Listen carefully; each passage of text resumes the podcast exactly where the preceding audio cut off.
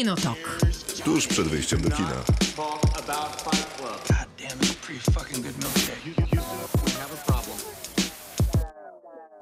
Dzień dobry, dobry wieczór, Krzysztof Majewski. Maciej Stasierski. To jest Kinotok, będzie trwał dwie godziny, będziemy rozmawiać o filmach i nie serialach, bo dzisiaj o serialach prawie w ogóle nie rozmawiamy, przynajmniej nie recenzujemy, ale w kontekście seriali powiemy sporo, bo będziemy rozmawiać o nagrodach Emmy. Ale to będzie na samym końcu, a na samym początku będzie w robocie o filmach jedzeniowych. Ja ostatnio byłem na różnego rodzaju wystawnych posiłkach, więc mogę się o jedzeniu wypowiadać, a przy okazji przypomnimy sobie parę filmów, gdzie to jedzenie gra bardzo ważną rolę. Niekoniecznie filmy jedzeniowe i o jedzeniu, ale filmy też takie, w których jedzenie gra jakąś ważną rolę. Na Facebooku Kinotoku Radia Ram albo na Krzysztof Majewski małpa radioram.pl. Proszę podrzucać swoje ulubione jedzeniowe tytuły, jeżeli takie są. A będziemy rozmawiać też o filmach, y, no i to poważnych filmach. Tak, dzisiaj trzy filmy i dwa z nich polskie, więc e, to też myślę, że warto dlatego nas posłuchać, bo film e, 25 lat niewinności, historia Tomka Komendy, czyli najświeższa premiera e, polskiego kina. Film, który dostał kilka jantarów na Młodzi Film Festiwalu w Koszalinie i pewnie się też wybierze do Gdyni i myślę, że tam może być jednym z faworytów. Może być jednym z faworytów, a to też ważny film dla Wrocławia, no bo to siłą rzeczy wrocławska historia. Tutaj toczyła się historia Tomka Komendy w filmie. Będziemy rozmawiać też o drugim polskim filmie, który już w Gdyni był, dokładnie rok temu. Tam zdobył nagrodę za najlepszy dźwięk. Nazywa się Interior i dopiero po roku, po wielu perturbacjach udało mu się trafić na ekrany kin. Reżyseruje Marek Lechki, który też z Wrocławiem związany, zresztą film we Wrocławiu między innymi kręcony. Tak, rzeczywiście. No i zakończymy nasze, naszą przeprawę przez film, filmem Diabeł Wcielony. Film, e, który pojawił się z kolei świeżo na Netflixie. Film z bardzo interesującą obsadą, bo i Tom Holland, i Robert Pattinson, który teraz gra chyba we wszystkich filmach praktycznie. To jest trochę takie spotkanie Spidermana z przyszłym Batmanem. Tak jest. I jeszcze parę innych e, ciekawych nazwisk, bo jeszcze Mija Wasikowska się tam pojawia na chwilę. Wydaje się, że obsada sama powinna powieść ten film, ale czy tak się stało, to nie wiem. Ale będziemy o tym dyskutować i spróbujemy odpowiedzieć na to pytanie i będziemy rozmawiać o wspominanych już e, Emmy. Pozdrawiamy Miłosławę Boże, która pracuje na serial Konie na Tak jest. nasze e, kinotokowe nazwisko. Tak jest i pozdrawiamy i myślę, że byłaby zadowolona z tych nagród Emmy. Też myślę, że byłaby zadowolona. Pytamy ją, jak tylko do nas wróci. Przy okazji polecamy zajrzeć na SerialCon. Festiwal trwa online. Wieczorami Miłka zaprasza najróżniejszych gości. Rozmawia m.in. z ekipą nadchodzącego serialu Król, a dokładnie kobietami Króla, czy ekipą serialu Szać. Kinotok. Film. Dzisiaj filmy jedzeniowe w ramach cyklu w robocie, o którym nie zapomniałem, z czego zawsze jestem dumny i zadowolony. W robocie e, od przyszłego tygodnia będziemy pytać też was, co uważacie, że jest najlepszym filmem. w robocie. E, Tak, co jest najlepszym filmem jedzeniowym, bo dzisiaj o takich rozmawiamy. Maciej, jako że nie ma miłki, to ty zaczniesz. Zacznę. I moim filmem jedzeniowym jest film Szef Johna Favreau. To jest trochę pójście na łatwiznę jednak. Zdecydowanie, Nie ale... dość, że film nazywa się Szef i to, i to nie jest przez szy, tylko H pisane. Czyli ale tak, po, po polsku przez trzy. no, generalnie tak jak Ale należy się... CH, tak. Generalnie tak jak należy zwracać się do Magdy Gessler, kiedy jest się z nią w kuchni. Jest szef, tak, Jest szef. dokładnie. I jest to komedia Johna Favreau, który też gra w niej główną rolę. I tytułową.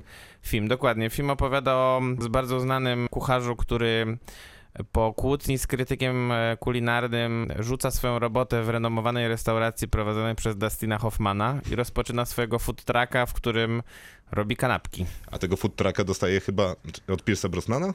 Nie, od Roberta Downey Jr. Ach, właśnie. Tak, No, i dosyć podobnie wyglądali. Jest tam dużo też znanych postaci się przewija przez ten ekran, bo jest i Scarlett Johansson, która gra Nikogo. e, nikogo w sumie w tym filmie. Bo to jest taka bardzo mała rola, zupełnie niezauważalna, jak na ale Scarlett też, Johansson. ale też gra Sofia Vergara, która na przykład, która gra jego żonę byłą. A to też nikogo, bo jej jest łącznie 35 sekund w filmie. Dokładnie, więc najważniejszy jest John Favreau i John Leguizamo, który gra jego kolegę i z którym zakładają tego food trucka i go prowadzą. Nie no, sekundę, a co z jego synem? A jest syn oczywiście, którego gra niejaki MJ Antony i oni dzięki temu food truckowi potrafią jakby znaleźć wspólny język znowu, bo, bo pomiędzy właśnie Favreau a Sofią Vergarą się e, sytuacja poróżniła, że tak powiem, no i ten rozwód, który, e, który, do którego doszło między nimi, nie był zbyt miły, więc też to wpłynęło na ich sytuację rodzinną i syna samego A- i odbudowują relacje. A rozmawiamy dzisiaj o filmach jedzeniowych też trochę po to, że skoro idzie jesień, to miło się ogląda taki film, w którym jest dobre jedzenie. Ja na przykład jak oglądałem, akurat czytałem Fabrykę Willego Wonki, to bardzo prosiłem wszystkich w okolicy, żeby dali mi czekoladę. Rozumiem. Więc idzie jesień, nabierzemy trochę mm, animuszu do jedzenia dzięki filmom. To które danie z tego filmu było dla ciebie najbardziej hipnotyzujące? Ja nie wiem, czy tam jest jedno zdanie, które jest hipnotyzujące. Te kanapki wszystkie Nie, wyglądały nie, dobrze. No to nie, to nie jestem w stanie chyba odpowiedzieć. Okej, to ja będę mówił. Mów. Bo tam są dwie sceny. Jedna jest, proszę. kiedy John Favreau i przy okazji od razu polecam serial, który nazywa się Szef i został stworzony z asystentem, który uczył gotowania na planie Johna Favreau, żeby wypadało autentycznie. On jest dostępny na Netflixie, nazywa się Szef, są dwa sezony.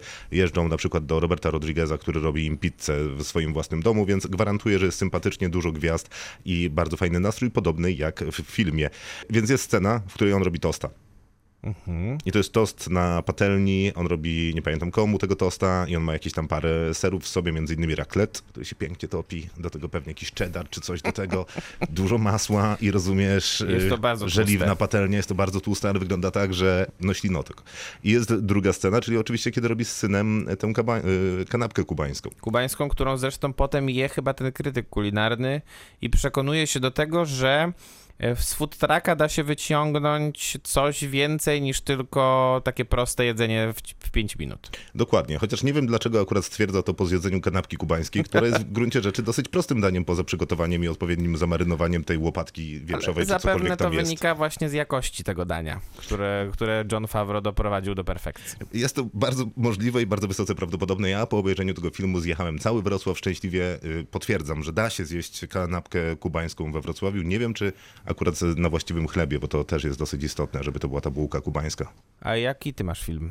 A, no to prawda. Wiesz co, ja się zastanawiałem nad wieloma filmami i na przykład przypomniałem sobie taką scenę z Władcy Pierścieni, z drugiej części dokładnie, z dwóch wież.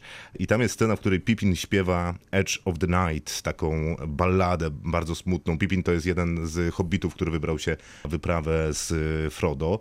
W tym samym momencie je namiestnik y, Gondoru. To to jest już w, to jest już w powrocie króla. To jest w powrocie. Tak, i oni chyba jadą na tę y, drugą mieścinę, którą widać z murów Gondoru. Ona się nazywa Osgiliath, czy jakoś tak. I tam szarżują. y, Bardzo patetyczna scena, taka bardzo militarna. Oni galopują, żeby szturmowo odbić ten Osgiliath, y, a Pippin śpiewa, a namiestnik je. I tam jest taka scena, w którym ma pomidorka koktajlowego, który trzaska mu w Tak ustach i wylewa się na, na brodę. No i absolutnie świetnie buduje to obrzydliwość postaci, jaką był namiestnik w Gondorze we Władcy Pierścieni w ostatniej części, ale przypomniał mi się też film, który był hitem, bo wydaje mi się, że we Wrocławiu był pokazywany co najmniej tysiąc razy przy okazji jakichś różnych wydarzeń. Nazywa się Kwiat Wiśni i Czerwona Fasola. Naomi Kałazę. Dokładnie. I opowiada o mistrzyni i jej mm, uczniu, która robi czerwoną fasolę i robi z niej takie mm, mm, de- deserowe danie. E, No i też tak się składa, że we Wrocławiu da się e, zjeść taką czerwoną fasolę. I jest znakomita. To jak już przypomniałeś takie sceny, to ja sobie przypomniałem też jedną scenę z Bękartów Wojny. Jest tam scena, w której pułkownik Landa wraz z Szoszaną Sztrucel. je Sztrucla? sztrudla wiedeńskiego, szt- stru, sztrudla czy strudla, tak? Nie, nie, I, to jest- I nie, nakłada na niego bitą śmietanę. bitą śmietanę, bo ona jest bardzo ważna do tego dania i je ją w taki sposób, że z kolei, tak jak, tak jak powiedziałeś, że e, słychać tego pomidora, którego je ten namiestnik, to tutaj z kolei słychać tego, ten widelec, który on, który on prze, e, wkłada do ust Między i zęby. zaciska zębami. To jest też taki, taki bardzo niepokojący dźwięk, który, który wydaje grający go przecież Christoph Waltz w Oscarowej roli. To tak sobie przypomniałem teraz. I dużo jest takich scen generalnie. Jest, jest, Jest dużo. przecież krytyk kulinarny w Ratatouille, który wbija widelec, no właśnie w Ratatouille, tylko podany w takiej nowoczesnej formie z warzywami pokrojonymi na mandolinie i wtedy przeżywa ten powrót do dzieciństwa. Jest Niebo w gębie o kucharce któregoś z prezydentów Francji, nie pamiętam niestety którego, która najpierw pracuje gdzieś na Arktyce albo w jakimś takim zimnym miejscu, a później zostaje szefem kuchni, takim osobistą kucharką prezydenta Francji i gotuje mu najróżniejsze znakomite rzeczy. Stamtąd pamiętam jajecznicę z podgrzybkami z kolei. Jest, jest też niesamowita scena w filmie, który nie kojarzy się jednak z kulinariami, mianowicie z- w Chłopcach z Ferajny, gdzie wszyscy panowie, którzy zostali Oczywiście. wtrąceni do więzienia, robią sobie bodajże Ragu. ragu I kroją czosnek tak, żyletką. dokładnie. Więc jest to, też, jest to też jedna z bardziej takich niesamowitych, e, ikonicznych scen tego wspaniałego filmu. A teraz przypominam, że jest po 22, więc proszę się napić szklankę wody. Tak, dokładnie. Kinotok. Film. Czas na film, chyba długo oczekiwany, y, to jest dobrze powiedziane, chociaż bardzo szybko przygotowany. 25 Bardzo lat niewinności, e, sprawa Tomka Komendy. No przecież y, sprawa zbrodnia Miłoszycka, ta sprawa nadal y, trwa w sądzie. No, ostatnio były mowy końcowe, więc jakby, no to jest film, No tak który... się zbiegło przypadkowo być Mhm. może premiera filmu z mowami końcowymi praktycznie z zakończeniem procesu. 25 lat niewinności, sprawa Tomka Komendy, którą w 2017 żo- roku żyli chyba wszyscy we Wrocławiu, zwłaszcza, no bo no, rzecz dzieje się przed wrocławskimi sądami, no ale oczywiście w całej Polsce też o tej sprawie się mówi, no bo to rzecz historyczna, e, kiedy to wymiar sprawiedliwości przyznaje się do tego, że popełnił błąd. Ale nie I- cały wymiar sprawiedliwości. No oczywiście i po 17 latach wypuszcza e, Tomka Komendę za, wypuszcza go za swój błąd, a Tak. on oskarżony był o zbrodnię, której nie popełnił. Miał być to no, brutalny gwałt, który I zabójstwo. skutkował śmiercią młodej dziewczyny. Tak, ja to, co powiedziałeś na początku, jest według mnie kluczowe. To znaczy, y, ja, wią, ja się obawiałem tego, że taki film powstaje jednak zdecydowanie za szybko.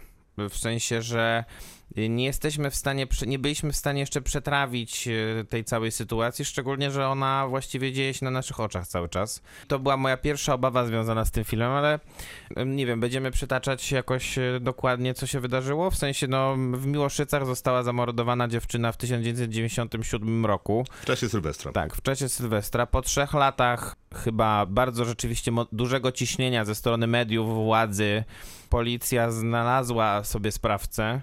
I e, sądy, najpierw jeden sąd wsadził Tomka Komendę do więzienia na 15 lat, a sąd apelacyjny wsadził go już na 25 lat, bo zmienił kwalifikację czynu. No i on odsiedział tych lat 18 z tego, z tego wyroku.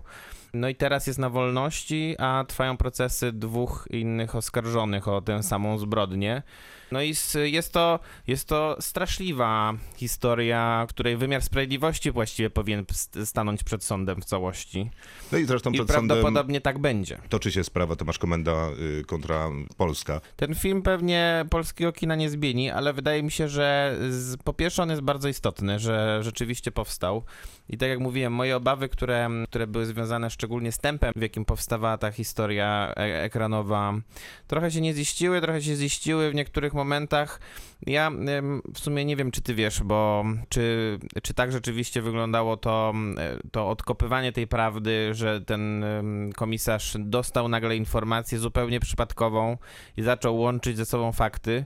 No bo to jest w sposób ciekawy przedstawione w tym filmie, ale bardzo przypadkowy, tak jak mówię, bo on po prostu podczas rozmowy ze jednym ze swoich sąsiadów Okej, to może nie przesadzajmy z opowiadaniem Tak, w zasadzie finalnej części filmu. Prawda. Jan Holubek reżyseruje i faktycznie mamy tutaj trzy... y, debiutuje też. I faktycznie film opowiada tę historię Tomka Komendy w, na trzech, powiedzmy, narracjach. No bo jedna to jest y, Tomasz Komenda od aresztowania, to jest pierwsza scena filmu, bardzo zresztą mocna, dynamiczna scena aresztowania, e, po czym mamy Tomka Komendę w więzieniu i to są jego losy. Drugie losy e, to są e, losy jego matki, która w relacji z nim funkcjonuje i ze społeczeństwem, które w sposób oczywisty ją marginalizuje, no bo to jest e, matka gwałciciela i mordercy Mordercy i zwyrodnialca i tak dalej. którym, jak my wiemy, nie jest.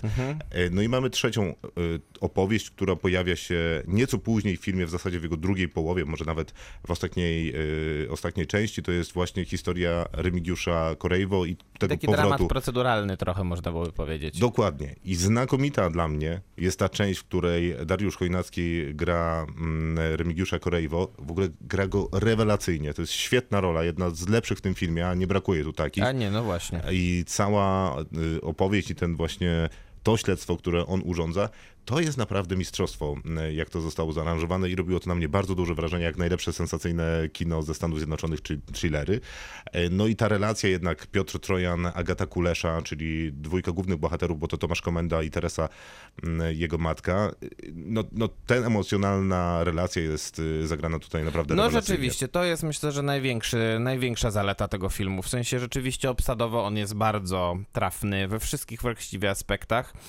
on jest trochę nietrafny i trudno zaakceptować tą, tą całą historię, e, która się odbywa właśnie za kratami więzienia, bo jak bardzo Piotr Trojan jest wyśmienity w tej roli, tak bardzo ta historia jest nieciekawie tam rozpisana w tym więzieniu, bo tam są niestety dopisane jakieś postaci, których być może nie trzeba było. Mm, e, Jest tutaj ten Jan Frycz, który musi grać absolutnie we wszystkich filmach teraz. E, Po tym jak zagrał Ślepnąc od świateł, to musi albo grać gangstera, albo grać gangstera, albo ewentualnie grać gangstera, który siedzi w więzieniu.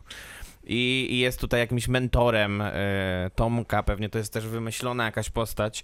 e, Tak, która- tak, no on tam generalnie dobrze nie, nie cytuje Arystotele, Arystotelesa, bo y, zupełnie bym się nie zdziwił, tak jest narysowana ta jego postać, Tak. faktycznie zbędna. Natomiast dla wszystkich tych, którzy już widzieli film i oburzają się na słowa Maćka, no to mm, te sceny w więzieniu, które są nam serwowane, no one no, zdają egzamin y, udramatyzowania No, y, tej opowieści. Zresztą pewnie mm, tak było, y, więc... Ale spowalniają jednak z drugiej strony fabułę i... No ale po- sprawiają, że staje się jakby bardziej ważka, no bo to większość scen z tego więzienia to są sceny przemocy na Zgoda, Tomaszu Komendzie. tylko że nie trzeba tego tak eksploatować jednak, wydaje mi się, szczególnie mając w garści dwie rzeczy, o których sam wspomniałeś, czyli Mhm. relację z matką, która mogła być troszeczkę bardziej jeszcze pogłębiona, mimo, mimo że, mimo, że e, oni wygrywają te sceny emocjonalnie w sposób znakomity, bo Agata Kulesza jest też wyśmienita w tym filmie, Mm, a z drugiej strony, i to jest chyba najważniejsze, mm, ten cały wątek e, proceduralny mógłby być trochę dłuższy i troszkę lepiej zamknięty, bo jest trochę zamknięty w sposób taki, em, na zasadzie takiego odcięcia szybkiego. Zgadzam się. Też wydaje mi się, że zbalansowanie tych trzech osi narracyjnych, które są w tym filmie, są, jest jego największym problemem, że faktycznie ta, ta sprawa uniewinnienia Tomka Komendy, ro, rozpoczęcie tej sprawy na No nowo, mogłaby mocniej wybrzmieć. mogłaby się szybciej zacząć po tak, prostu. dokładnie, Żeby, a nie zacząć się w dwóch trzecich filmu. tak, żeby miała trochę więcej czasu, żeby się rozpędzić. Wtedy to faktycznie by było znacznie bardziej interesujące. No ale z drugiej strony nie jestem przekonany, czy wtedy zdążyłaby się nam w tych retrospektywach zbudować Mhm. ta relacja Tomasza Komendy z jego matką. Czy zdążyłaby się zbudować ta relacja z tą dziewczyną, którą poznaje jeszcze kiedy pracuje w myjni. No to warto było może nakręcić film dłuższy o pół godziny. Albo dwa. Bo generalnie e, to nie jest tak, że mm, ten film się źle ogląda, mimo, mimo tego, że są tak nierówne te, te części w, pod, w kontekście emocjonalnym, bo Jan Holubek jest sprawnym bardzo narratorem i dobrze opowiada historię. Co udowodnił zresztą y, w Rojście, czyli serialu, który reżyserował i też udowodnił, że ma pewną wizję na opowiadanie historii, w sensie ma jakiś pomysł wizualny, ale ma też taki pomysł y, narracyjny. Cokolwiek powiesz Maciej o tym filmie, cokolwiek ci się będzie nie podobało, bo rozumiem, że teraz będziemy mówić o tych y, rzeczach, z którymi mamy problem y, w filmie, to jednak trudno nie zgodzić się z tezą, że a, dobrze się go ogląda i nie patrzysz na zegarek, a po drugie, on jest, y, ma emocjonalną stawkę i są takie momenty w czasie seansu, w których no, siedzisz na krawędzi fotela, na szpilkach, czy zaciskasz podłokietniki, czy jak inaczej emocje, które silne na ciebie oddziałują w kinie określić. No bo jest tam co najmniej parę bardzo mocnych emocjonalnie scen i to nie zawsze, kiedy go biją. I zgadza się, i jest to mm, duży sukces reżysera, dlatego że generalnie historia jest znana, a mimo wszystko udało się wykrzesać jednak w widzach e, trochę emocji, nawet na scenach, które już teoretycznie powinni, wie, powinni wiedzieć, jak się skończą. No właśnie tak jest, że Prawda? doskonale wiem, jak się skończą te sceny, a jakoś mój mózg odsuwa to na bok e, i ta emocjonalna stawka tutaj istnieje i to jest warte. To, co Jan Cholubek e, potrafi zrobić, e, o czym mówiłem wcześniej, to ta właśnie wizualna opowieść, nawet czasami tylko takimi mrugnięciami okiem, kiedy on robi skrót przez, no nie wiem, 10 lat od siatki na przykład, Tak. to pokazuje gdzieś w tle takie ważne wydarzenia z historii świata, Polski, czyli gdzieś przewija, przewija Śmierć się... papieża. Śmierć papie, papieża w telewizji, zwycięstwa Adama Małysza, e, czy jeszcze jakieś inne tego rodzaju, no, no ważne takie społecznie dla Polaków e, zdarzenia na przestrzeni ostatnich 20 lat, e, a jednocześnie potrafi to bardzo ładnie skontrapunktować, kiedy Tomasz Komenda wychodzi z więzienia. To nie jest spoiler, wszyscy wiemy, że wyszedł. Tak, Jest dokładnie. na wolności, jeżeli nas słucha, to pozdrawiamy. I kiedy jedzie przez Wrocław, podziwiając go, tam nawiązuje do do telefonu, który wska- Mówię wskazuje drogę. tak. Mhm. Więc nie, zupełnie się zgadzam. Ja, ja już chyba zasygnalizowałem, co mi się mniej więcej nie podobało w tym filmie i nie ma tego tak dużo, więc, e, więc nie będę też, e, nie ma, nie ma sensu wymyślać po prostu, bo tutaj się zdecydowanie więcej rzeczy udało niż się nie udało. E, I myślę, że Jan Holubek, e, jeżeli będzie, e, na pewno będzie kręcił następne filmy, To ja trochę się nie mogę doczekać. to myślę, że będzie naprawiał te swoje błędy i zrobi film, który, który doczeka się pewnie, nie wiem, zwycięstwa w Gdyni, a nie tylko, czy aż na, na ten moment e, Jantarów w Koszalinie, więc no ja, znaczy, Dobra, nie ci- zdziwiłbym Mhm. się, jakby, jeżeli oczywiście w Gdyni festiwal w tym roku będzie na takim, w takim normalnym stopniu pokazywa, e, e, zorganizowany, no to myślę, że Piotr Trojan jest aktualnie jedynym kandydatem do nagrody głównej dla, męsk- dla męskiej roli, bo e, abstrahując od tych wszystkich aktorów, których generalnie znamy, bo przecież, tak jak powiedziałeś, no jest tam Kulesza, jest e, ten Frycz, który nie gra akurat najciekawszej roli. Piotr Trojan nie jest takim znanym aktorem e, i można było się obawiać, powierzając mu jednak dosyć trudną rolę do zagrania, bo mm, no, gra tutaj człowieka takiego bardzo prostego i bardzo niewykształconego, a jednocześnie takiego, który chwyta za serce. No i Piotr Trojan robi to w sposób taki bezwysiłkowy zupełnie i naprawdę jest to rola wyśmienita. Tak, bez wątpienia. A jak podobała ci się rola Bartosza Bielani? No nie było go tam za bardzo. Jest w dwóch scenach Bartosz Bielenia, niestety tylko. Bardzo przebrany w dodatku. Dokładnie, ale no szkoda, bo oczywiście to jest aktor niezwykle ekscytujący i, em, i warto byłoby, żeby rzeczywiście mm, na ekranie było go więcej. Mm, Ale Ale przypomina trochę y, ta rola y, Piotra Trojana, rolę Bartosza Bieleni z, tak, z Bożego Ciała. Zdecydowanie tak, tylko że no Bartosz Bielenia w Bożym Ciele miał jednak miał chyba jednak e, jakąś wizję e, czy ideę do, do, prze- do przetworzenia i do przepracowania w tym miasteczku, a tutaj ten człowiek po prostu walczy o życie i, i robi to w sposób jaki jest jakąś taką zaskakującą wręcz skromnością i, mm, i wiarą też w to, że jest niewinny i tak się okazuje, że on, on w sumie jest dosyć zaskoczony tym, że zostaje wypuszczony w pewnym momencie z więzienia. To prawda, że jest y, dosyć zaskoczony, ale też chyba Cholubek ma taki pomysł na ten film. W sensie, tak jak y, Boże Ciało ma do powiedzenia coś więcej o podziałach, które są y, w naszym kraju, czy w ogóle na świecie. Tak, Holubek chyba jakichś takich ambicji do takiej narracji ostatecznej nie ma, bo jakby każdy opowiadający historię na świecie, nieważne jaką historię opowiada i jakiego, z jakiego medium korzysta, no to ma taką niebezpieczną pokusę, że chciałby opowiedzieć tą swoją historią poza tym, że paru ludzi zrobiło coś i w efekcie tego jest coś innego, no to chciałby dopisać do niej jakiś taki kontekst metafizyczny, metaforę, która będzie uczyć nas na przyszłość, będzie to uniwersalna wartość, na której będziemy mogli polegać dzięki obejrzeniu tego dzie- dzieła No, będziemy ale ta lepsi. I historia- mam wrażenie, że Holubek rezygnuje z tego po Tak, części, tak. przypominając, że słuchajcie, to naprawdę nie trzeba niczego dopisywać, nie? Ta historia sama w sobie jest e, o- okrutna, tragiczna i może świetnym przypomnieniem będzie to w kontekście tego, żeby więcej się nie powtórzyła, no, żeby ktoś y, mniej, bo powody z jakich y, policja czy cały system zadziałał niewłaściwie przy aresztowaniu Tomka Komendy jest, jest pewnie wiele, no ale po prostu, żeby się nie zdarzyły. No myślę, że to jest y, najlepsza konkluzja, bo rzeczywiście y, nie było sensu udziwniać tego filmu. Nie, były takie pokusy, bo i miał takie pokusy trochę Jan Holubek, żeby, żeby trochę udziwniać przekaz, bo są tam sceny metafizyczne, które niepotrzebne są zupełnie w tym filmie. Ma na szczęście są za dwie i krótkie. Na szczęście są krótkie, tak, gdzie ten na przykład śnieg pada we wszystkich możliwych miejscach, w których nie powinien padać, ale, ale tak naprawdę rzeczywiście, no samej tej historii nie trzeba opowiadać, e, nie, do, nie trzeba jej dokładać niczego, bo ona sama w sobie jest tą lekcją i e, to odróżnia zdecydowanie mm, podejście Cholubka od Komasy. Komasa e, nie opowiadał, opowiadał e, o zjawisku. Ten, ten, ten człowiek, e, Cholubek opowiada po prostu tę konkretną historię. To I robi to w jest- sposób mhm. bardzo sprawny, też gatunkowo, trzeba przyznać, bo widać, że czucie gatunku ma.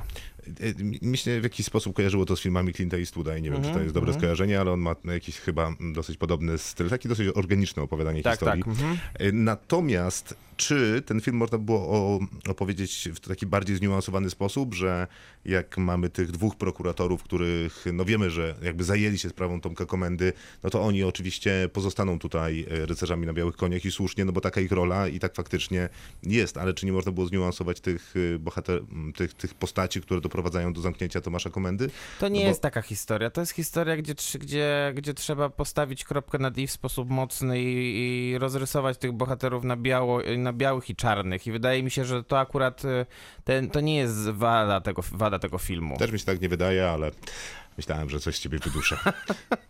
E, Tomasz e, Komenda w zasadzie 25 lat e, niewinności. I wystawiamy temu filmowi A tak. oceny. Ja Mhm. wystawiam temu filmowi 7,5. Nie, przepraszam, nie, Nie, można nie 7. możesz, ale ja mu to, wystawiam wystawia- osiem. to wystawiam mu 8 gwiazdek.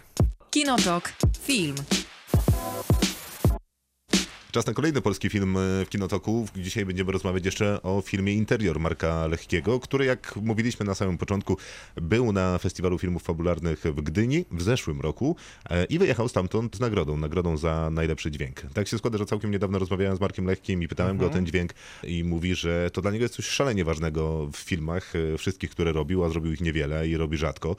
Szalenie ważne, bo też go drażni pol- dźwięk w polskich filmach, a jednocześnie uważa, że ta narracja, ta historia opowiadana dźwiękiem no jest po prostu, ma więcej wymiarów i głupio z niego rezygnować.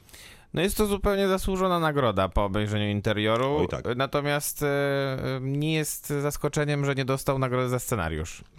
Okej. E, Bo interior opowiada jakby dwie historie. Jedna to jest historia mężczyzny, który, jak zrozumiałem, został oszukany przez swojego szefa, więc To postanowił... jest Maciek, Tak. Piotr Żurawski go gra. Tak, e, więc postanowił się zemścić na nim i e, no ukradł mu samochód. A to jest taka ciężka praca, bo y, Tak. to jest chyba, ja nie wiem, czemu oni, oni się zajmują, ale to jest chyba, nie wiem, być może segregacja śmieci Tak, jakaś, albo, czy... albo, albo jakiś recycling, coś takiego chyba. Tak, Mhm. i szef go oszukał, bo on tam bardzo ciężko pracował, nadgodziny, święta i inne I takie. nie wypłacił mu chyba prawie 10 tysięcy złotych, czy tam 9, Za na- coś takiego. Coś takiego za nadgodziny, No, tam 8 i- z groszem. Więc on postanowił się zemścić. e, najpierw postanowił, najp- najpierw przyszedł na rozmowę polubownie, a potem jak szef nie chciał rozmawiać, szef, który notabene dostał niedawno jakąś nagrodę dla bycia najbardziej ludzkim i otwartym i uczciwym e, przedsiębiorcą, się okazało, że właśnie taki ludzki i uczciwy to on jest. Więc, więc tamten ukradł mu samochód, pojechał do rodziny. Rodzina też mu za bardzo nie pomogła. I w sumie na tym się trochę kończy ta historia. Mhm. Yy, I nagle dostajemy przeskok i, i oglądamy historię, której główną rolę gra Magdalena Popławska, która zresztą gra postać Magdy. Tak, właśnie. Yy, I ona z kolei organizuje przyjazd do jakiegoś miasta jakichś ludzi z Holandii. Tak, ja to, ja to zrozumiałem.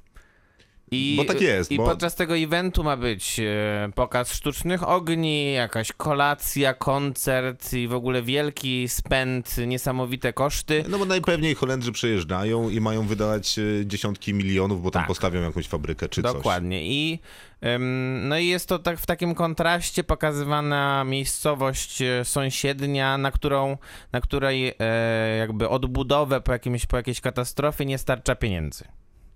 I w tej samej gminie Tak, najprawdopodobniej. dokładnie, dokładnie. I jest zarządzana prawdopodobnie przez tego samego burmistrza, które, który, Który organizuje przyjazd organizuje ten przyjazd. Okej, i to jest dosyć ciekawe, y, co mówisz, bo faktycznie są dwie takie historie i faktycznie ta pierwsza Maćka kończy się trochę tak jak nożem uciął, a później zaczyna się Magdy. I ja wiem, że się czepiam i czepiałem się ostatnio, ale znowu czytam opis dystrybutora, który Mhm. brzmi tak. Magda i Maciek, dwoje trzydziestokilkolatków szukających swojego miejsca na świecie. Ona pewnie siebie, pewna siebie kobieta, bla, bla, bla. Pewnego dnia ich losy skrzyżują się i sprawią, że nic nie będzie już dla nich takie samo. No więc przeczytałem ten opis dystrybutora, no bo z reguły y, lubię wiedzieć na co tak plus minus idę do kina. No i siedzę w tym kinie i czekam na to spotkanie tego Magda, Magdy z Maćką, y, Maćka z Magdą. Skończyła się historia Maćka, skończyła się historia Magdy i chyba faktycznie gdzieś tam mignęli na moment. No tam chyba ten, właśnie się spotkali na jakiejś imprezie, a potem byli chyba w jednym budynku. No i nauka jest I- taka, i tyle. dla mnie i dla wszystkich, proszę nie czytać tych opisów, no bo one Nie, jakby do, do niczego no, absolutnie nie prowadzą. A w No, kontekście interioru to najlepiej spóźnić się na seans około 40 minut. E, Rozumiem e, to twoje podejście, ale e, spróbuj pomyśleć o tym filmie w ten sposób. W ogóle zaznaczmy, że Marek Lechki, kiedy robił ten film, musiał być jakoś, czy pisał ten film, bo on też jest autorem scenariusza, musiał być jakoś w wieku swoich bohaterów, bo oni są po 30, e, chyba w pewnym momencie pada nawet wiek Maćka, że on ma To ma 38 lat. 35 czy 36? E, Wydawało mi się, że 38 no, ale Rozmawia z ciotką przez telefon, tak. Tak jest, coś koło tego, która zresztą mieszka na Cyprze. Rozmawia w ogóle przez budkę telefoniczną, co jest absurdalne. Nie ma czegoś takiego już, to prawda. No ale bo on się ukrywa przed policją, dlatego tak, to tak. tłumaczę tym, którzy filmu nie widzieli. Marek Lekki ma teraz 45 lat. y, No to jak zaczynał pisać?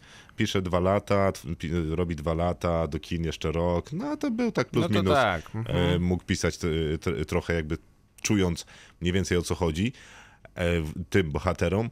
I ja mam wrażenie, że on stawia taką tezę o świecie, że jakby wszyscy mają podgórkę w tym świecie i to nie do końca ich, jest ich wina, no bo Maciek w sumie zrobił wszystko, żeby tam zarobić na te swoje 30 metrów, bo on wspomina, że ma e, kredyt, który jest taki świetny, że jak go spłaca, to akurat spłaca odsetki, więc jakby w ogóle go nie spłaca.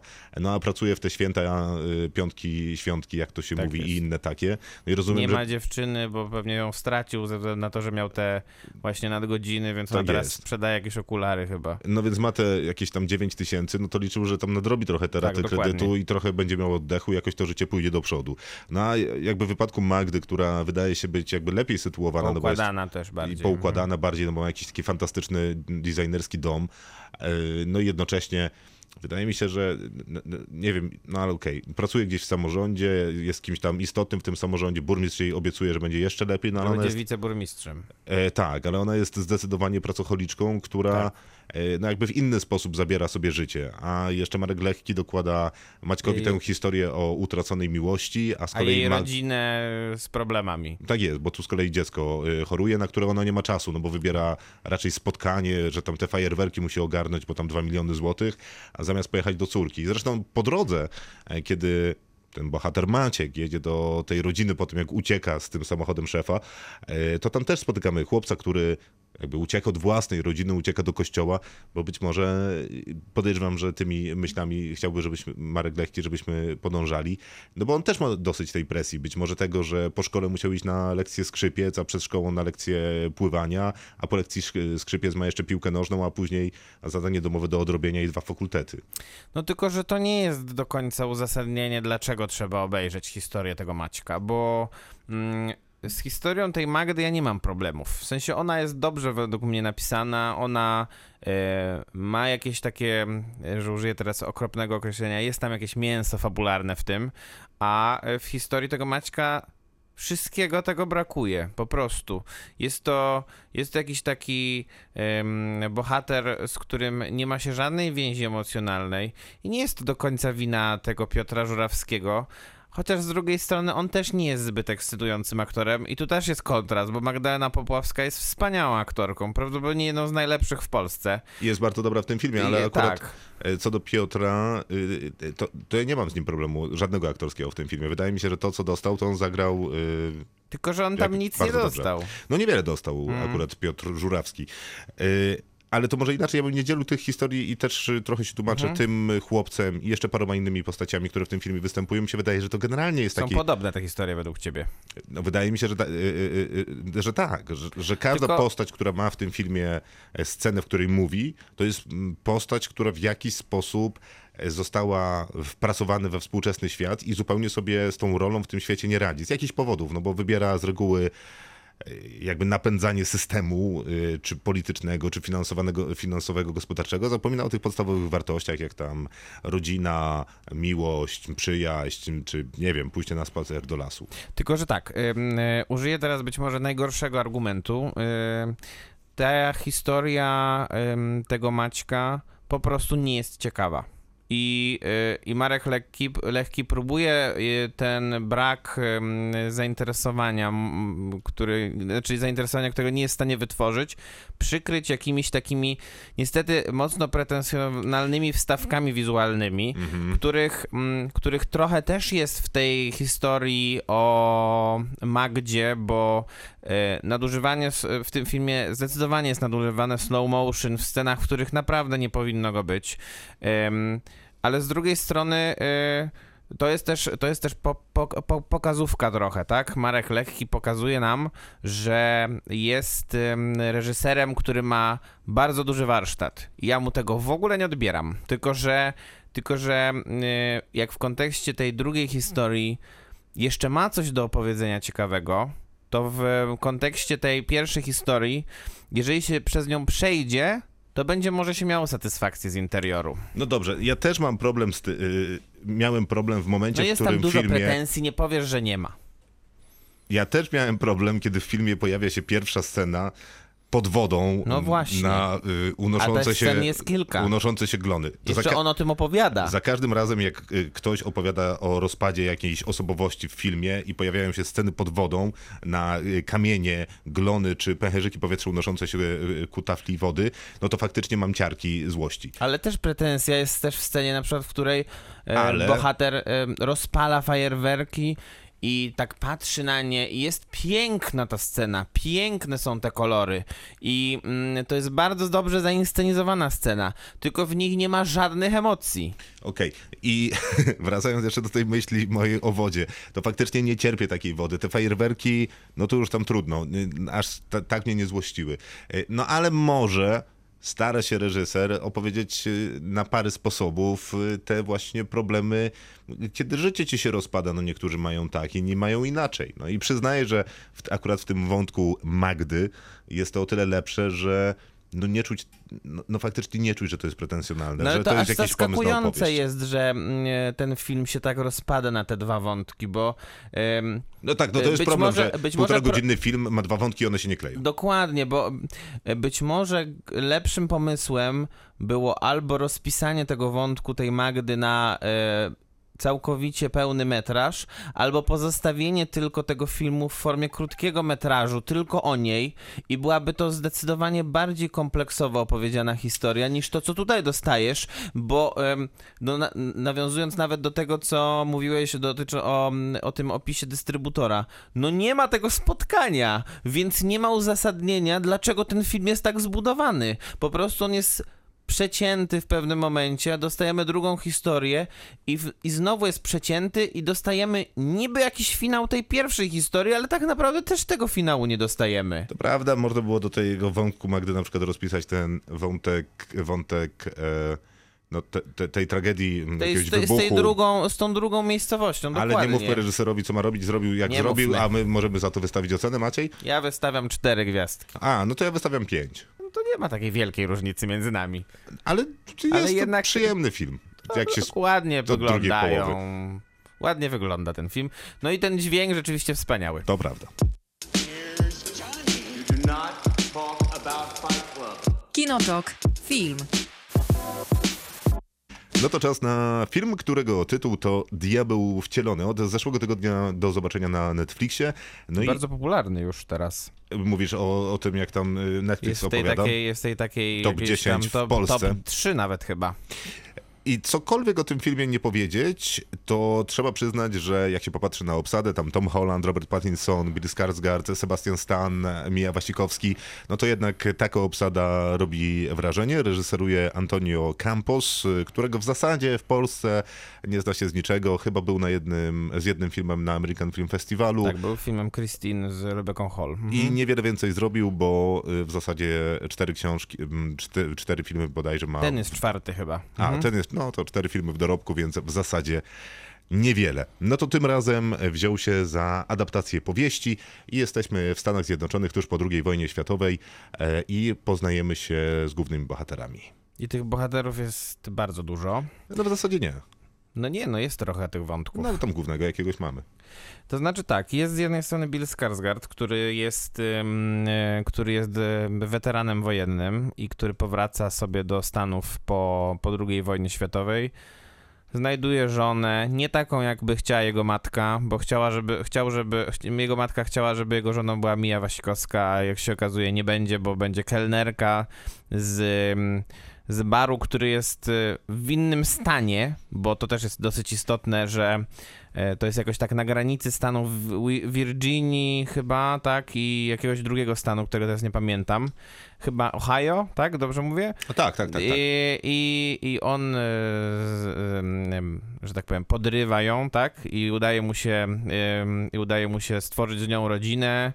E, To nie wiem, czy to będzie duży spoiler, że mają dziecko, kto, to, i to dziecko potem się przerodzi w Toma Hollanda. Tak by to można było powiedzieć, tak? Faktycznie ta historia jest taka dosyć długa i wielowymiarowa, Tak, no, ale tym dokładnie. głównym bohaterem, którego będziemy się trzymać, jest właśnie y, owoc tego małżeństwa, Holland, tak. czyli Tom Holland, który będzie z nami przez większą część tej historii, no ale w tle mamy też y, osobne historie, jakby podzielone na osobne sceny, w których y, mamy parę no, w zasadzie seryjnych zabójców, którzy podróżują po y, Stanach Zjednoczonych. No to, co oni tam robią, to jest jakiś taki freak show dla mnie, bo to, Mhm. bo oni się zajmują wyłapywaniem em, autostopowiczów, których e, biorą na przejażdżkę, obiecując im, że dowiozą ich w to miejsce konkretne, które oni potrzebują dojechać. I w międzyczasie organizują, że tak powiem, no nie wiem, jakiś taki piknik, na którym e, ten mężczyzna, którego gra Jason Clark, robi w cudzysłowie sesję zdjęciową, a przy okazji no mordują tych ludzi. Więc jest to rzecz y, mocno dziwna i nie- niepokojąca. I wtedy... Jeszcze, jest, jeszcze jest trzeci wątek z y, panem, który, którego gra Sebastian Stan i on jest szeryfem lokalnym, który w każdej właściwie wypowiedzi opowiada o tym, że są jakieś wybory, albo przed wyborami, albo po wyborach y, tego, tego szeryfa, więc on musi się dogadywać ze wszystkimi, więc musi się dogadywać i z tymi uczciwymi, musi się dogadywać z gangsterami, A jednocześnie jest bratem y, tej, Ser- tej seryjnej morderczyni, która też y, prawdopodobnie jest też prostytutką w pobliskim barze. A do tego jest jeszcze postać Roberta Pattinsona, który z kolei jest nowym pastorem w okolicy, w której mieszka nasz główny bohater, czyli Arvin Russell, czyli Tom Holland. E, No i Robert Pattinson e, z kolei wykorzystuje, m, Seksualnie młode kobiety. e, mówiąc, że e, opowiadając, jakie, wykorzystując przede wszystkim swoją pozycję i mówiąc coś tam o, O reli- o religii, Mhm. o Bogu. m, A, A no, one są zwykle bardzo wierzące. Jedną z nich jest właśnie z kolei Eliza Scanlen, którą już widzieliśmy w paru filmach w tym roku, bo ona igrała w mm, Małych Kobietkach i ostatnio też w Baby Thief. A wykorzystując tę pozycję i y, doprowadzając do tych stosunków seksualnych, dochodzi też w efekcie do tragedii. No i, jest bardzo dużo krwi w tym filmie. Ja wiem, czy akurat krwi, jest bardzo dużo przemocy, ale Dużo to... przemocy, ludzi dużo ginie. I kiedy oglądałem ten film, to pierwsze skojarzenie, chociaż może jeszcze wcześniej jedno zdanie, bo zastanawiałem się, jak sobie zapowiedzieć ten e, film i przyłapałem się na tym, że Diabeł Wcielony jest filmem, w którym jest scena, uwaga, w której morderca gwałciciel zabija parę seryjnych morderców, a sprawę bada podwójny morderca ze sceny wcześniej. I wszystkie te mordy widzimy na ekranie. Tak jest. Więc Brawo. y, rozmawiam o tym filmie po 22 Ciekawa w, zas- w zasadzie nie bez powodu. Y, I to jest synteza, która od razu naprowadziła mnie na książki Cormaca McCarthy'ego, y, czyli amerykańskiego pisarza, który zresztą wielokrotnie był adoptowany, adaptowany, bo mamy przecież Drogę na podstawie Cormaca McCarthy'ego, mamy Dziecię Boże, które nie doczekało się polskiej dystrybucji, ale był bodajże na American Film Festivalu albo na Nowych Horyzontach. Tak, to E, Jamesa Franco film. Tak jest. Y, Zresztą fatalny książka. Y, Te książki... No i oczywiście to nie jest kraj dla starych ludzi. Oscarowy triumf braci Coen. I chyba jeszcze y, to się nazywało, y, nie pamiętam, ale Tommy Lee Jones i e, A tak, Sunset Limited. Sunset Limited, to nie jest ta na podstawie sztuka. książki, tylko dokładnie sztuki Cormaca McCarthy'ego. Też zresztą kawał dobrego filmu, natomiast wszystkie te książki są klejące. Tam Cormac McCarthy opowiada o wszystkich... y, Zdefiniuj. Kle klejące? Klejące takie złe, że wiesz, że Aha, y, mhm. przeczy, przy, przykleją ci się do palców, no do same obrzydlistwa, no bo Tak. Cormac McCarthy opowiada o najbardziej niskich, najbardziej zwierzęcych, najbardziej odrażających ludzkich instynktach, jakie No po nie prostu można mieć. portretuje mm, ten szczęśliwego życia, kwiatków i tak dalej. Więc Donald Ray Pollock, którego nigdy nie czytałem, podejrzewam, że ma podobną diagnozę rzeczywistości. Zresztą Cormac McCarthy też raczej opowiadał trochę y, mm, historycznie te swoje opowieści, choć nie wszystkie. E, a tutaj mamy czas tuż po II wojnie światowej. No i to jest trudny film, bo on emocjonalnie trochę y, y, robi taki numer, że opowiada to w tonie takiej lekkiej opowieści, w której dużo słońca, uśmiechów i ludzi ciężko pracujących y, gdzieś tam Takiej na... efektownej też bardzo. Tak, tak, gdzieś tam, no bo to kręcone jeszcze na 35 mm, to też pewnie nie przez przypadek e, taki zabieg, ukłon, wiesz, w stronę kinomanów E, i, i, i taka lekka, przyjemna opowieść i co jakiś czas pojawia się narrator, który klei jakby te kolejne scenki i tę opowieść, I e, który mówi, że... zresztą pisarz. E, Tak jest. I jakże cudownie, że jedziemy sobie tutaj e, w stronę wschodzącego słońca. Ten e, przystojny mężczyzna poznał przed momentem tę przystojną dziewczynę. Teraz spędzą pięknie życie, ale chwilę później dodaje, Potem ją że zakopie w ogródku. co dodaje narrator, kiedy tak. odjeżdżają tym samochodem. No więc najpierw możesz sobie osiąść na laurach i w takim pewnym komforcie, a nagle stwierdzasz, że coś nie pasuje w tej opowieści. Właśnie to, że dostajesz informację o zapowiadanym mordzie, który zresztą się wydarzy niewiele później na ekranie. Tak, i, yy, i s- ja nie kupiłem tego za bardzo, mówiąc zupełnie szczerze. W sensie yy, dla mnie było to jednak straszliwie chaotyczne i takie yy, właśnie, jak powiedziałeś, trochę był, jest taki dysonans poznawczy oglądając ten film. To znaczy rzeczywiście się ogląda teoretycznie taką historię, którą, którą spokojnie mógłby, nie wiem, Quentin Tarantino nakręcić. Yy, I, I on by to pewnie zrobił z większym humorem i z większą werwą i większą inteligencją mm, i jeszcze z mm, jakimiś odniesieniami do popkultury. Mm, A tutaj e, teoretycznie to nie ma żadnego oddechu w tym filmie. W sensie, z jednej strony on jest tak opowiedziany, że ten, tego oddechu powinno być strasznie dużo, takiego, hum, takiego humorystycznego i komediowego, a tak naprawdę to go w ogóle nie ma. I, i to jest męczące bardzo. To na pewno jest męczący film, ale też nie do końca y, wie, wy- wydaje mi się, że taki był zamiar reżysera, że on ma być męczący. No jednak on nie opowiada o e, jakichś e, wspaniałych czynach i o tym, że budujemy razem dom wysiłkiem naszej pracy, tylko o tym, że e, ktoś, in, ktoś ginie, ktoś inny zostaje zgwałcony, a później ginie, a później jeszcze pięć osób umiera raczej w brutalny i dosyć obrzydliwy sposób. No tak, tylko że tutaj jest y, problem taki, że to jest taka przemoc dla przemocy trochę. Y, No być może, a być może to jest jakaś tam diagnoza akurat tamtej części świata y, i tamtego okresu w historii y, świata, albo być może pomysł na to, że świat tak też może wyglądać, a w zasadzie wszystko robisz dobrze, bo ta postać grana przez Toma Hollanda, no jest takim trochę ostatnim sprawiedliwym i No, taką przynajmniej buduje taką iluzję fabuła. Tak jest. I kiedy ta postać Erwina Russella, czyli właśnie Toma Hollanda, jakby konstytuuje się i staje się już taką pełnokrwistą postacią, co przyznaję, dzieje się dosyć późno w filmie, e, to wydaje mi się, że on się dosyć ładnie układa, bo z tego się robi trochę... film czy sama postać? e, e, Film, bo z tego się robi trochę taka historia zemsty. Ta historia zemsty jest krótka i intensywna, a później jakby następuje taka lawina zdarzeń, po części konsekwencje, a po części właśnie ten film zaczyna się składać, jakby kolejne historie morderstw i połączeń osób y, między innymi postaciami, to jest skomplikowane, e, zaczynają się zazębiać, wydaje mi się całkiem nieźle. A Tom Holland robi zaskakująco dobrą robotę. On jest doskonały rzeczywiście, natomiast e, ciężko trochę mówić o innych postaciach w tym filmie I, i to jest chyba dosyć duży jednak zarzut w kontekście filmu, który teoretycznie e, przynajmniej na samym początku daje taki obraz, jak się, jak się okazuje iluzorycznie, że będzie opowiadał o całej plejadzie jakichś ciekawych postaci, a potem one w bardzo zaskakującym tempie znikają z ekranu i przez to nie jesteśmy w stanie z nimi żadnej, emo- żadnej emocji związać. Dla mnie przynajmniej ja, ja em, y, im bardziej narastało tempo tych zgonów, bo y, no, y, to jest pewnie spoiler, nie spoiler, bo y, większość tych bohaterów, których zobaczymy na ekranie w pewnym momencie ginie. Tak, to prawda. E, No z tą relacją może tak faktycznie być, ale no jeżeli masz jakieś emocje, to prawdopodobnie no, wo, wo, wobec y, właśnie postaci Arvina Russella i tego, czy on słusznie postępuje w danej sytuacji, czy nie, a tych kolejnych sytuacji, w których on może słusznie postąpić bądź nie, masz dużo. A w dodatku znasz całą jego przeszłość z początku filmu, która, o niespodzianko, też wcale nie była łatwa. Dramatyczna, tak. Yy, Jeszcze słówka może o Robercie Pattinsonie, bo to postać, która w ostatnich y, pięciu latach prawdopodobnie nie robiła nic innego, tylko była na planie filmowym. Gra absolutnie wszędzie, ciągle i non-stop. Tak. Zresztą całkiem nieźle sobie z tym radząc. Nawet ma takie no, w zasadzie cameo, czyli pojawia się na moment i znika y, w Królu z Timotheem Chalamet, gdzie y, gra... Pięknie to powiedziane. Dziękuję.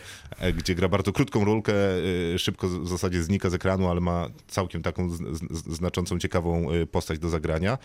Tutaj niby też ma ciekawą postać do zagrania. Gra takiego trochę od- od- odrażającego, obrzydliwego pastora, takiego klejącego się, e, mniej więcej tak jak te książki Corbacka McCarthy'ego.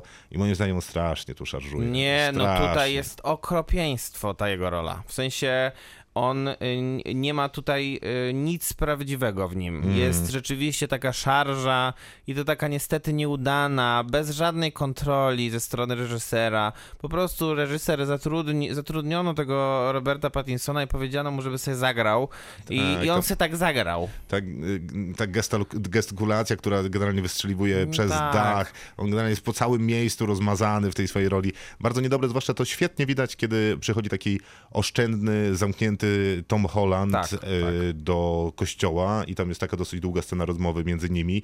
E, I, i tam najbardziej szar, szarżuje Pattinson. tam to I nawet tam jest Pat- zupełnie nieznośny, a Tom Holland pokazuje tam naprawdę dużą klasę. Tam ym, Pattinson ma niesamowity problem, bo mam wrażenie, że on sobie wymyślił jakiś taki sposób mówienia też tej postaci. E, Kojarzy mi się z Jokerem I, Leto. się, I totalnie w tej scenie e, w kościele, która jest jedną z ważniejszych scen pewnie drugiej połowy filmu, e, no to rozpadło mu się to też. Sam pomysł nawet na, to, na ten głos i ten akcent mu się rozpadł i nagle, nagle wyszedł taki stary Robert Pattinson, który, który nie miał zawsze kontroli wielkiej nad tymi swoimi postaciami. No i tutaj w ogóle nie ma żadnej. I, I on nie jest jedynym przypadkiem niestety y, wśród tych wyśmienitych aktorów, który rozczarowuje. Albo ci aktorzy naprawdę nie mają nic ciekawego do grania, bo no nie można powiedzieć, że Mija Wachesikowska, która jest bardzo utalentowaną przecież aktorką, y, ma, coś, ma tutaj coś do zagrania. No bo nie ma. Y, Diabeł wcielony. Też cztery gwiazdki. A, to ja mu dam siedem. O, to gratuluję. Dziękuję. Ja Jest- również jestem tobie. w szoku.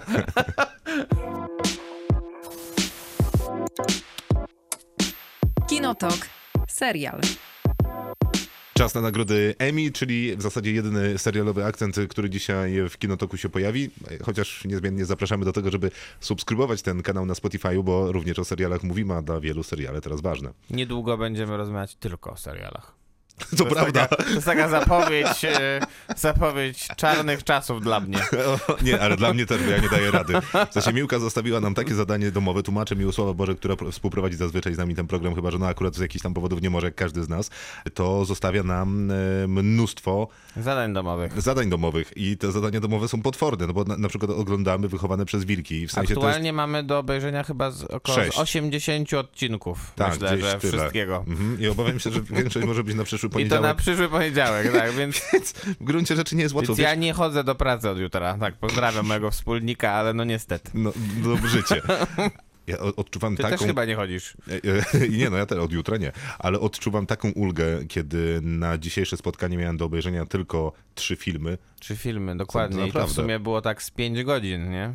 Y, o, Może do obejrzenia. sześć. No tak, Część z nich, w porywach. część z nich musiałem zobaczyć w kinie, no więc jeszcze jakieś tam dojazdy. No to jeden dzień musiałem po, poświęcić, powiedzmy, taki trochę dłuższy, no 14-godzinny pracy na to, żeby załatwić się z tymi wszystkimi filmami, zrobić jakieś notatki, więc było spoko. Tak, nagrody Emmy w czasach pandemii zostały przeprowadzone w specyficzny sposób, to znaczy na Zoomie i poprowadził je Jimmy Kimmel, którego ty nie lubisz, a ja lubię. Nie, nie, bo to nie jest tak, że ja nie lubię Jimmy'ego Kimmela. Tylko lubisz, wolisz Jimmy'ego Fallona, Po prostu. co jest błędem. No i nie w ogóle nie jest błędem. Wszystkie dobre żarty, które istnieją w amerykańskich talk show, y, y, poza jednym z Mattem Dimonem, który ma Jimmy Kimmel, y, ma Jimmy Fallon. A i tak wygrywa zawsze nagrody Emmy za te talk showy Late Night e, John Oliver, chyba już piąty raz z rzędu. Bo teraz też wygrał w tym roku za Last Week Tonight with John Oliver. Ja bardzo lubię Troszkę Johna to Olivera, jest inny program. ale to jest zupełnie inny program. Tak, bo to jest inny program, bo te wszystkie inne programy, które z nim zawsze rywalizują, czyli właśnie Jimmy'ego Kimmela, Fallona, Colberta, Stevena Colberta, Trevor Noah, jeszcze parę innych nazwisk można byłoby mówić, wy, wy, wy, wykazać. E, To są, Wskazać. to są inne programy. Wskazać, tak to są programy polegające na tym, że się zaprasza gości, się rozmawia z nimi o tym, jaką płytę wydali, jaki film puścili, albo ewentualnie niektórzy z nich jeszcze zapraszają polityków i to zwykle partii demokratycznej, bo republikanie nie mają poczucia humoru, przynajmniej według amerykańskich talk showów. Yy, No a John Oliver e, po prostu opowiada do kamery na temat, e, nie wiem, aborcji, Najważniejszego szkół wydarzenia i danego tygodnia z jakiegoś powodu. koronawirusa ostatnio, ra- raz w tygodniu o koronawirusie. Zresztą Tak. wychowanek Colberta. Y, Nie, wychowanek Johna Stewarta tak naprawdę, Zresztą bo John, wychowanek Johna Stewarta. John Stewart wygrywał w tej kategorii swego czasu w latach 2000 i potem w drugiej dekadzie lat 2000 myślę, że z parę razy dobrze. Maciej, chciałeś o tej chemii rozmawiać? To, to, to zacząłem, czyli tak, po pierwsze John Oliver wygrał jak zawsze, po drugie w kategorii tak zwanych programów Czekaj, reality to wygrał RuPaul Drag Race też jak zawsze, bo chyba po raz trzeci czy czwarty raz z rzędu. Zostańmy przy tym Johnie Oliverze jeszcze na moment. Bardzo proszę. Bo z Johnem Oliverem jest tak, że on przez pandemię też przeszedł obrodną ręką. Bo No tak. Ellen DeGeneres y, jest teraz w fatalnej sytuacji, bo wychodzą nadal na jakieś Tak, najróżniejsze są. protesty jej pracowników w związku z tym, jak ich traktowała. No ja, z cel, z, ja jakbym miał przewidywać, to obstawiam, że ten program nie wróci po pandemii. W sensie nie będzie, zostanie po prostu wycofany albo zostanie zmieniona prowadząca lub prowadzący i wtedy jakby nie będzie programu Ellen DeGeneres. Jimmy Kimmel i Jimmy Fallon, z tego co obserwuję y, ich y, w sieci, przeszli przez pandemię raczej obronną ręką. Natomiast wydaje mi się, że jeżeli ktoś zyskał y, na pandemii takiego uznania nie tylko jako showmana i człowieka, którego fajnie dla śmiechu wieczorem obejrzeć, ale być może też jakiegoś takiego źródła wiedzy, który jest masowy przez to, że jest po części rozrywkowy, to właśnie jest John Oliver. I jeżeli w tym Wiadomo, kontekście tak. rozmawiamy o nagrodach Emmy, to naprawdę y, na pewno na nie zasłużył. Problem z nagrodami Emmy, który mam e, ja z Od perspektywy. Mhm. mieszkańca Wrocławia, jest taki, że one nikogo w ogóle ani trochę nie interesują. Oczywiście i y, jakby y, myślę, że nagrody Emmy nawet wiedzą o tym, że nikogo nie interesują. E, Bo Grammy jeszcze dla- się oszukują. Dlatego, że dla- i dlatego mm, nagrody Emmy w przeciwieństwie do Złotych Globów często nagradzają tych samych twórców powielokroć. Na Złotych Globach rzadko się to zdarza, szczególnie w tych kategoriach telewizyjnych zwykle jednak Złote Globy dostają bardzo świeże rzeczy.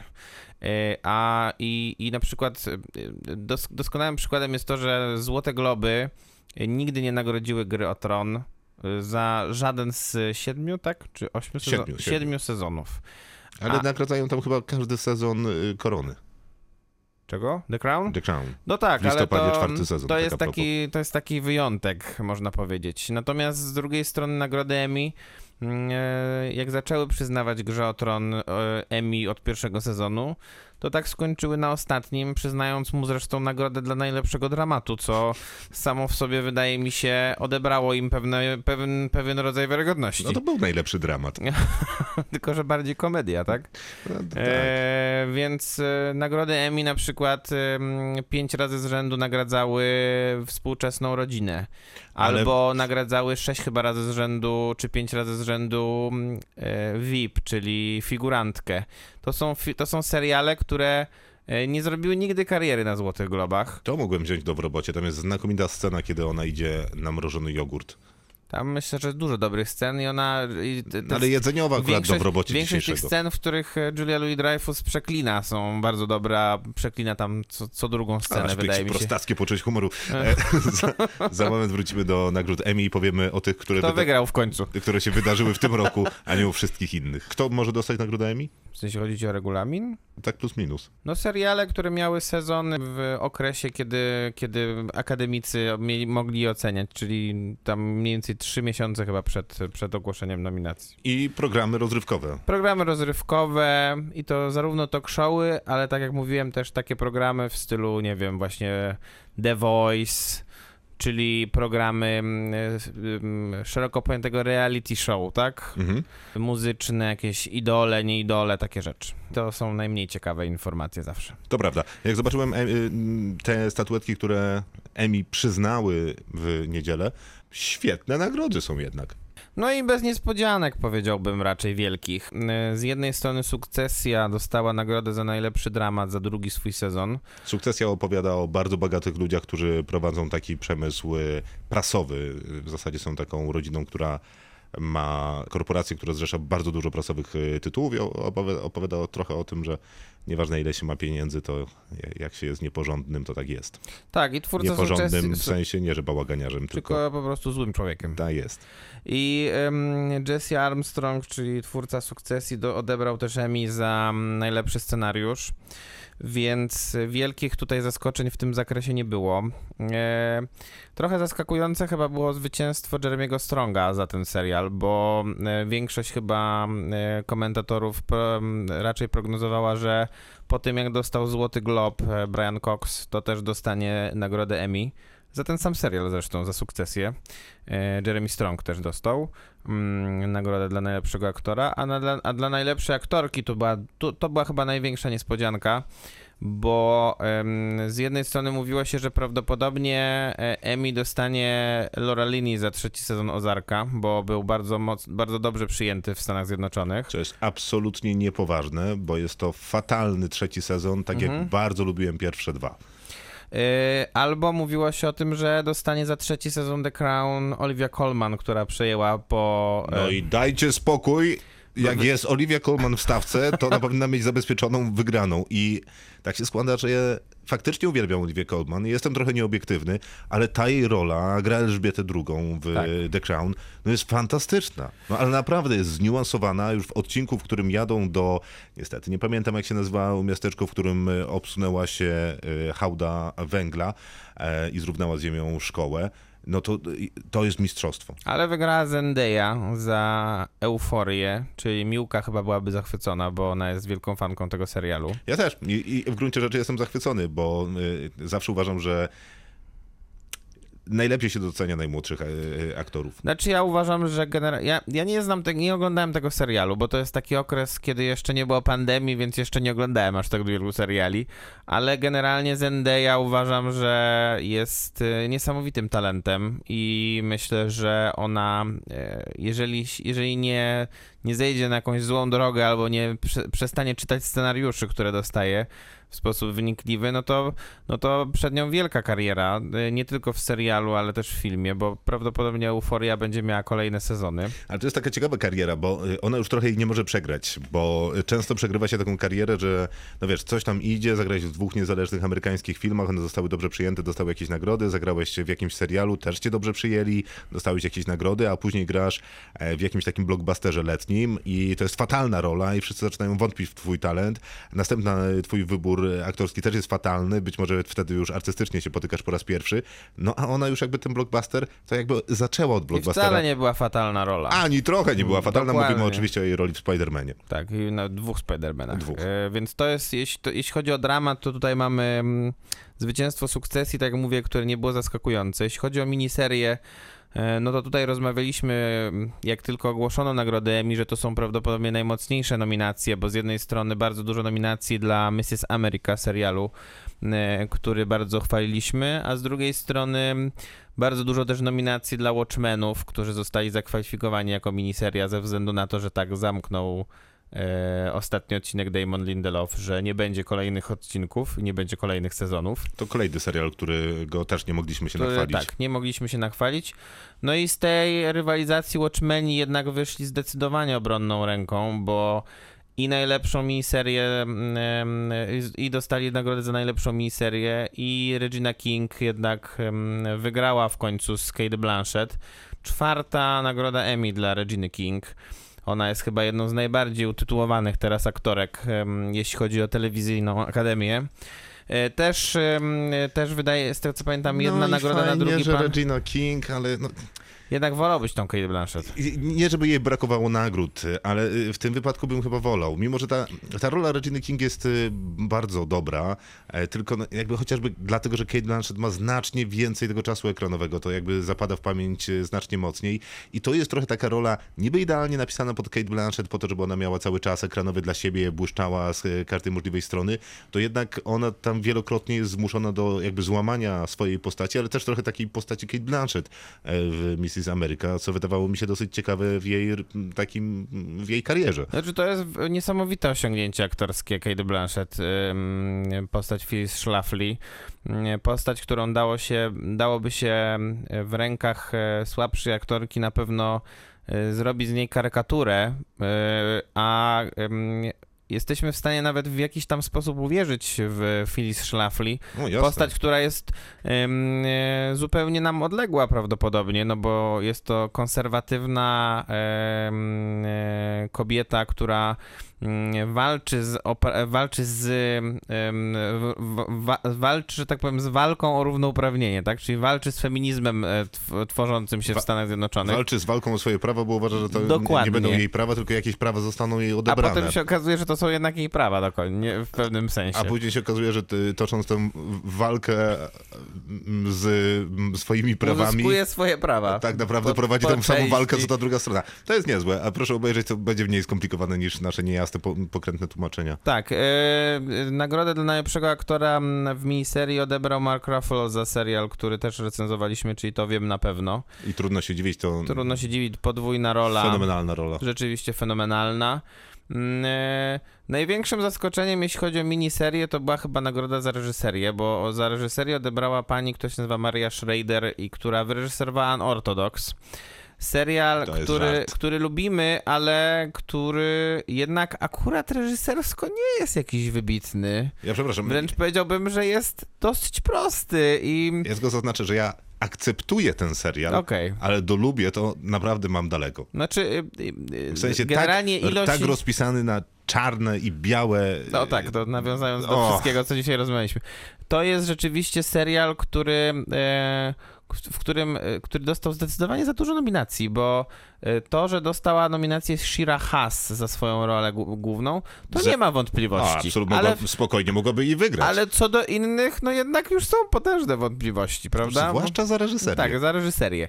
No a co do komedii, których, o których zawsze się najmniej mówi i teraz też nie będę tak za dużo mówił o tym, dlatego że e, no wszystkie, absolutnie wszystkie najważniejsze nagrody, siedem nagród pod, z siedmiu kategorii, wszystkie siedem m, wygrywa kanadyjski serial, serial Schitt's Creek. No i nie mamy o czym I nie rozmawiać, mamy o bo czym nie ma rozmawiać, bo nie ma dystrybucji polskiej tego serialu, ale trzeba powiedzieć jedno, że jest to pierwszy raz w historii nagród Emmy, kiedy serial wygrywa główną nagrodę, wszystkie cztery nagrody aktorskie i jeszcze nagrodę za scenariusz i reżyserię. A Zendaya chyba była najmłodszą, która Tak, wygrała. najmłodszą i drugą afroamerykanką, która wygra nagrodę dla najlepszej aktorki dramatycznej.